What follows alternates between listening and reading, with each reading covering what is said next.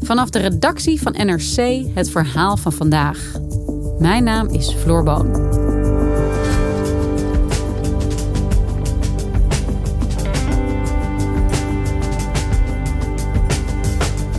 Terwijl alle ogen op de Russische invasie in Oekraïne zijn gericht, breidt Rusland gestaag zijn invloed uit in West-Afrika. Zo duiken in Mali steeds meer Russische huurlingen op van de Wagner Group, waarvan iedereen het bestaan ontkent. Zij vullen het gat op dat de Fransen achterlaten nu hun militaire missie daar eindigt. Ziet correspondent Eva Oude-Elverink. Maar met welke intenties zijn de Russen daar?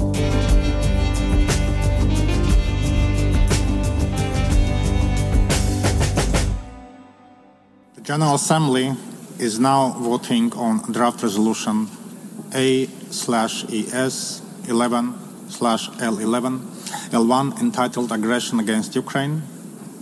Will all delegations confirm that their votes are accurately reflected on the screen?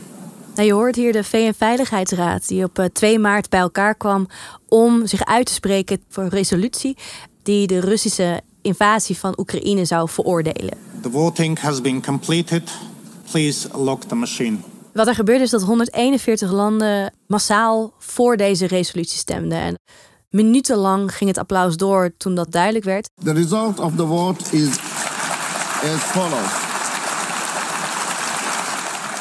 Maar wat ook opvallend was, opvallend voor veel mensen die het misschien niet zo nauwlettend hebben gevolgd, is dat een flink aantal landen, toch wel 35 landen, uh, zich hebben onthouden van stemming, waarvan de helft op het Afrikaanse continent liggen.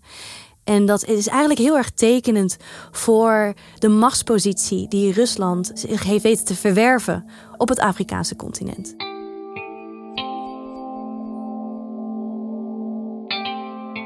Eva, jij bent onze ja, nieuwe correspondent in West-Afrika. Uh, we hebben het nu over de VN-veiligheidsraad die zich uitspreekt over de Russische invasie in Oekraïne. Maar zeg jij, dit gaat dan eigenlijk over de positie die Rusland zich verwerft in Afrika. Op welke manier doet Rusland dat? Nou ja, een goed uh, en eigenlijk heel recent voorbeeld is Mali. Dus als je kijkt naar Mali, uh, dat is een, een land dat voorheen, net als veel landen in West-Afrika, uh, behoort tot een Franse kolonie, was een Franse kolonie. Frankrijk heeft daar heel lang en eigenlijk nog steeds een hele belangrijke rol gespeeld. Zeker in de afgelopen uh, negen jaar, omdat ze daar met een interventiemissie waren bedoeld om uh, een terreurdreiging die zich eigenlijk over die hele regio aan het verspreiden is, tegen te gaan. En Frankrijk wilde zich daar eigenlijk langzaam gaan terugtrekken. Is dat uh, gaan doen in de afgelopen maanden. En dat deden ze in december. Een heel belangrijk symbolisch moment van die Franse terugtrekking was dat ze weggingen van een militaire basis in Timbuktu. A ceremony to mark the departure of more French troops from northern Mali. France has decided to withdraw more than 2000 of its soldiers from the Sahel region by early next year. En dat gebeurde door symbolische verhandeling van een grote houten sleutel. De Franse driekleur die daar wapperde, die werd naar beneden gehaald en werd vervangen door de Malinese vlag. En dat zou dan overgeleverd worden aan het Malinese leger. En een paar weken later uh, waren daar inderdaad Malinese soldaten, maar begaven zich daar ook in één keer Russische soldaten. En die hebben sindsdien hun intrek genomen, onder andere op die militaire basis. Dus de Fransen vertrokken uit Mali na daar negen jaar te hebben gezeten. En er zijn dus Russen voor in de plaats gekomen. Wie zijn dat? Nou, dat is een hele goede vraag. Uh, als we luisteren naar wat de westerse inlichtingendiensten en, en westerse regeringen zeggen, dan hebben we het hier niet over Russische soldaten, maar dan hebben we het hier over Russische huurlingen. En vrij specifiek zijn dit huurlingen die zouden werken voor het private militaire bedrijf, de Wagner Groep. En dat is een behoorlijk omstreden bedrijf die inmiddels zijn, eh, strepen wel heeft uh, verdiend, als je dat zo mag zeggen, in, naar verschillende conflictgebieden. Onder andere in Syrië zijn ze actief geweest, maar ze zijn eigenlijk voor het eerst gezien of gespot in Oost-Oekraïne, uh, in de Donbass. Dan gaan we weer terug tot 2014. Maar inmiddels zijn ze ook actief in Soudaan. Ze zijn actief geweest in Mozambique, in de Centraal-Afrikaanse Republiek. En dit bedrijf is echt een nou ja, door schimmen omgeven bedrijf. We weten er eigenlijk heel weinig van, want officieel, juridisch bestaat het niet. These are the first images of troops from the Wagner Group in Mali. Russian mercenaries wear military camouflage but no distinctive insignia. It is obscure and it's difficult to actually throw very clear light on what Wagner is. It's not a company named Wagner, it's a consortium of different groups which have been brought together. Le groupe Wagner. Une entité dont on ne trouve aucune trace officielle, mais qui depuis 2012 a déjà porté les armes dans plusieurs des points les plus chauds du globe. Dat is meteen al, je zegt het bestaat juridisch niet, maar het bestaat dus ook wel. Wat, wat doet deze Wagner-groep? Ze stutten eigenlijk de regimes door wie ze worden ingeroepen. En dat doen ze op verschillende manieren. Dus ze zijn vaak actief in militaire operaties, dan wel niet geheime militaire operaties. Maar ze zijn ook betrokken bijvoorbeeld bij het beveiligen van deze regeringsleiders, de politici daaromheen. Maar ook van mijnen of van olie- of gasvelden die zich in deze landen bevinden. En vaak zijn dat dan ook de delen waar ze zelf vervolgens profijt uit trekken. Dus ze zijn daar actief om te beveiligen en om te helpen. Maar vervolgens worden daar bijvoorbeeld ook concessies over afgesloten, zodat ze ook een deel van de opbrengst uit die mijnen, dat dat voor hun is. En het is dus een private club. Is er iets bekend over hun werkwijze? Nou ja, wat we van hun werkwijze weten is dat ze vooral eigenlijk niets ontzien te werk gaan. Dus de VN-rapporteurs hebben afgelopen oktober nog een rapport uitgebracht over hun werkzaamheden in de Centraal-Afrikaanse Republiek. En daar hebben we het over martelingen, buitengerechtelijke executies, verkrachtingen. Echt eigenlijk alle mensenrechten schendingen die je zou kunnen opnoemen, die staan wel ongeveer in dat rapport uh, benoemd. Waar de Wagnergroep of huurlingen van de Wagnergroep zich aan schuldig zouden maken, terwijl ze dus actief zijn in deze landen. En omdat ze dus eigenlijk niet bestaan, is het ook heel moeilijk om hun daarop aan te spreken. Want iedereen kan ontkennen dat zij daarbij betrokken zijn geweest.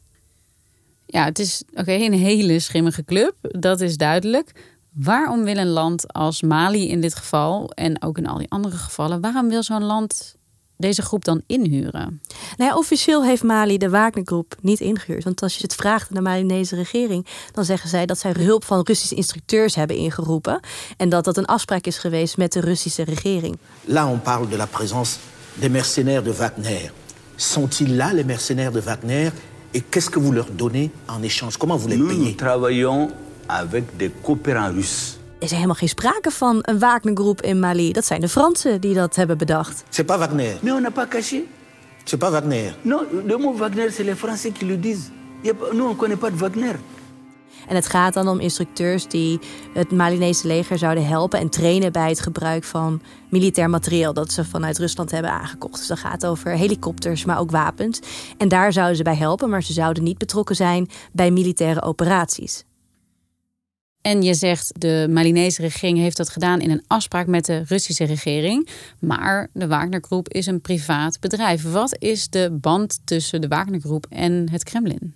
Het Kremlin heeft eigenlijk altijd enige link met de Wagnergroep ontkend. Neem het woord Wagnergroep eigenlijk ook niet in de mond, want nou ja, ze bestaan dus niet. Ehm, maar die banden zijn wel degelijk eigenlijk blootgelegd. En zo hebben Russische onderzoeksjournalisten onder andere aangetoond dat huurlingen van de Wagnergroep trainen op een militaire basis van het Russische leger. In documenten wordt dat kinderkampen genoemd, alsof het eigenlijk natuurlijk heel onschuldig is. Maar ja, ze zijn daar, ze zijn daar aan het trainen. En niet alleen dat, er zijn ook onderzoeksinstituten die, die eh, hebben vastgesteld dat het transport van deze huurlingen en van hun materieel plaatsvindt met vrachtvliegtuigen die toehoren aan het leger van het ministerie van Defensie. En die zich bewegen tussen alle landen waarvan inmiddels bekend is dat de Wagnergroep daar actief is. Maar eigenlijk gaat het ook vooral om de man achter de Wagnergroep. En dan hebben we het over een man die Yevgeny Prigozhin heet. Uh, en hij wordt ook wel de kok van het Kremlin genoemd. Hij heeft hele nauwe banden met Vladimir Poetin, met het Kremlin. Die bijnaam dankt hij aan het feit dat hij een, een cateringbedrijf heeft. Een catering imperium, waarmee hij onder andere dus ook uh, nou, op het Kremlin uh, heeft gewerkt. En hij is de grote man achter de Wagnergroep. En hij wordt heel vaak gesignaleerd met Poetin. Wat is de officiële positie van het Kremlin als het gaat over de Wagnergroep? Ja, dat zij er helemaal niks mee te maken hebben. De officiële positie is ontkenning. En dat hoort heel erg bij, dus eigenlijk die strategie die sowieso rondom de Wagner-groep hangt. Een soort van het idee van de plausible deniability. We kunnen altijd ontkennen dat wij hier iets mee te maken hebben, want ze bestaan niet. We hebben geen officiële link met hun. En dat maakt dat voor westerse uh, veiligheidsdeskundigen de Wagner-groep eigenlijk nog gevaarlijker is, omdat het dus een onofficieel militair wapen is eigenlijk van, van het Kremlin. Dat kan worden ingezet om haar invloedssfeer uit te breiden. En om militaire operaties uit te voeren. Um, waar ze vervolgens niet verantwoordelijk voor kan worden gehouden.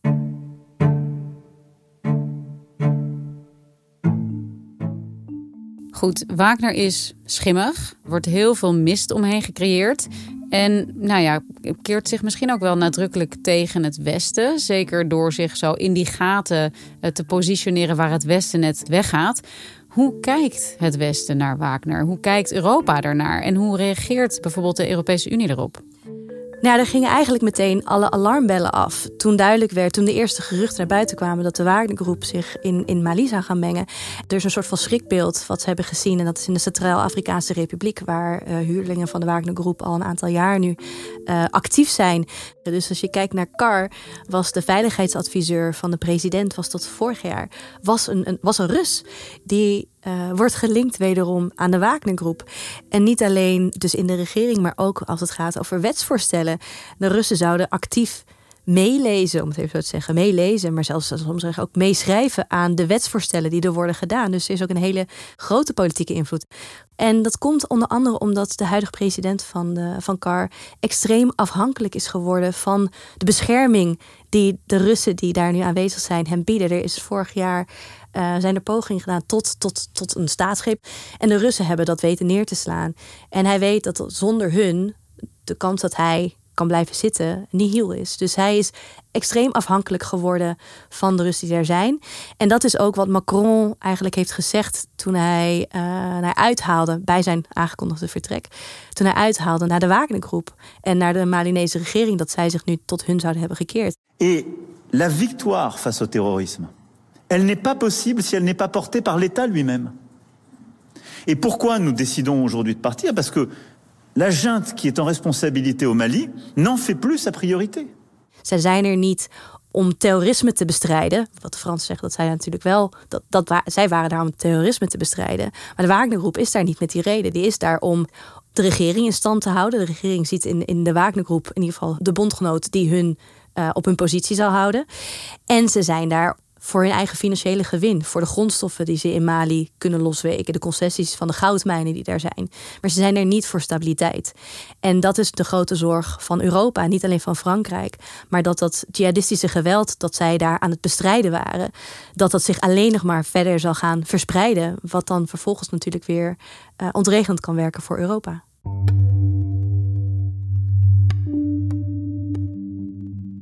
Ja, en als we dan even een stapje terugzetten, dan zien we op dit moment dat de hele wereld naar Oekraïne kijkt, waar een oorlog aan de gang is, waar Rusland een oorlog is begonnen. Maar dat Rusland gelijktijdig uh, ook zijn invloed aan het uitbreiden is ja, in die Sahel, in die Afrikaanse landen, terwijl de wereld daar dus niet naartoe kijkt. Wat is de strategie hierachter? Er zijn eigenlijk meerdere strategieën. Dus Rusland, eh, het Rusland van Poetin, is al heel lang bezig om zichzelf weer dat, dat statuur te geven op het wereldtoneel van een wereldmacht. En heeft daarvoor dus eigenlijk ook bondgenoten, partners nodig. En dat gaat dan niet alleen over die stemming in de VN, maar die zijn natuurlijk ook heel belangrijk. Maar in het grotere geheel, in het herschrijven van de wereldorde waar we nu in zitten, en waar natuurlijk ook China een hele belangrijke uh, rol in speelt, wil Rusland zichzelf ook groot op dat wereldtoneel zetten. En het uitbreiden van haar invloedssfeer is daar heel belangrijk in. Maar het is ook gewoon puur financieel. Dus het Afrikaanse continent is niet alleen interessant omdat Rusland daar nou, veel wapens naar kan leveren, maar ze kunnen er ook veel uithalen. En dan gaat het bijvoorbeeld dus vooral over grondstoffen. En we zien nu ook dat in de tijd dat de Russische invasie heeft plaatsgevonden, dat er heel veel westerse sancties zijn afgekondigd. Maar op deze manier met de landen waarmee het nu deze, deze banden heeft kunnen opbouwen, dat er nog steeds wel financiële garanties zijn. Onder andere zou op dit moment veel goud vanuit Soudaan naar Rusland gaan. Dus het zijn allemaal financiële bronnen waar ze op dit moment nog afhankelijker van zijn geworden. En waarom specifiek Afrika? Waarom zijn het juist deze landen waar Rusland zich zo wil vestigen? Je noemt al grondstoffen. Is dat de enige reden of ja, zit er meer achter? Nou ja, het is ook een, een hele ontvankelijke plek om het zo te zeggen. Want de banden tussen Rusland en veel van deze Afrikaanse landen gaan terug tot de Sovjetjaren. Toen de Sovjet-Unie veel van de onafhankelijkheidsbewegingen op het Afrikaanse continent steunde. En ook veel landen die net nieuw onafhankelijk waren, zich tot Rusland keerden als eigenlijk het het, het, de antidoot tot bijvoorbeeld Frankrijk. Omdat dat, uh, nou ja, daar waren ze zich net aan ontworsteld en ze wilden nieuwe bondgenoten. En Rusland, dit was ook natuurlijk in de tijden van de Koude Oorlog, was een welkome nieuwe partner. En dat is eigenlijk heel lang zo gebleven tot de Sovjet-Unie uiteenviel. Economisch het allemaal niet meer goed ging. En, en Rusland dus eigenlijk zich niet meer zo op Afrika heeft gefocust. Dat is in de afgelopen jaren, zeker onder Poetin, is dat weer veranderd. Maar wat absoluut ook meespeelt, is dat Rusland profiteert van een sterk anti-westers sentiment dat rondgaat op het continent. Ook sterk anti-Frans. Dus er is heel veel onvrede over de Franse interventiemissies die er in de Sahelregio plaatsvinden, omdat die niet hebben geleid tot een indamming van het geweld, maar het geweld alleen maar erger is geworden. En dat is iets waar Rusland natuurlijk heel dankbaar gebruik van maakt. Door daarop in te spelen. Rusland stelt zich in Afrika heel erg op als hun partner tegen het neocolonialistische Westen, tegen het imperialisme. En dat is iets wat heel veel resonantie vindt in Afrika, omdat je nu in heel veel landen hele jonge generaties hebt. Grote, de meerderheid van de bevolking is heel jong, heeft niet onder die, die kolonialiteit geleefd met Frankrijk en snapt dus ook niet die speciale relatie die er nog zou zijn. Die voelt alleen maar vooral de hele bedrukkende invloed die Frankrijk nog steeds uitoefent in hun land. Met als resultaat is ook dat er in zo'n VN-veiligheidsraad vervolgens een hele groep landen is die zich, nou ja, in ieder geval niet meer direct tegen Rusland keert nu het Oekraïne is binnengevallen. Precies, dus ze hebben zich eh, heel strategisch onthouden. In veel gevallen gaat het dus echt inderdaad om onthouden van, van stemmen. Omdat ze toch, nou, ze willen, ze willen Rusland niet tegen zich in het harnas keren. Maar ze willen eigenlijk ook het Westen dicht bij zich houden. Omdat heel veel landen ook gewoon nog steeds nauwe banden hebben. Wel met het Westen. Ook afhankelijk zijn in grote mate financieel van het Westen. Maar ja, Rusland is een, is een belangrijke nieuwe partner. En die willen ze niet tegen zich hebben.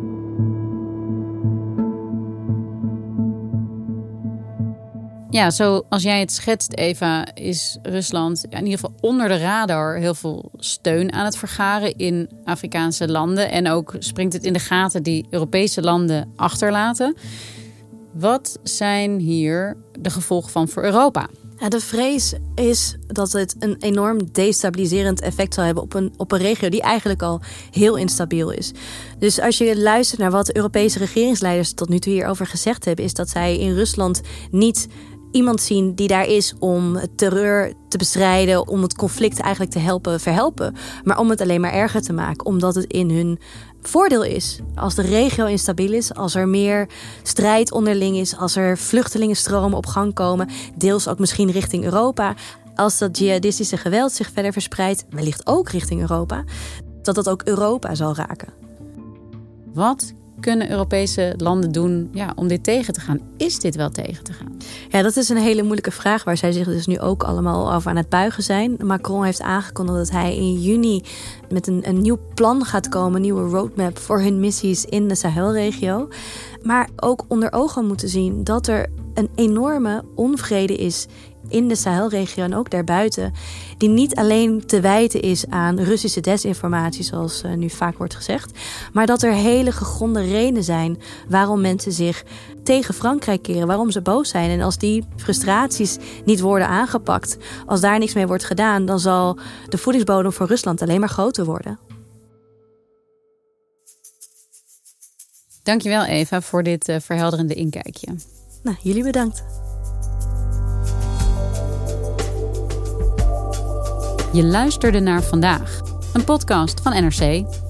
Eén verhaal, elke dag. Deze aflevering werd gemaakt door Wijken van Koolwijk en Misha van Waterschoot. Dit was vandaag. Maandag weer.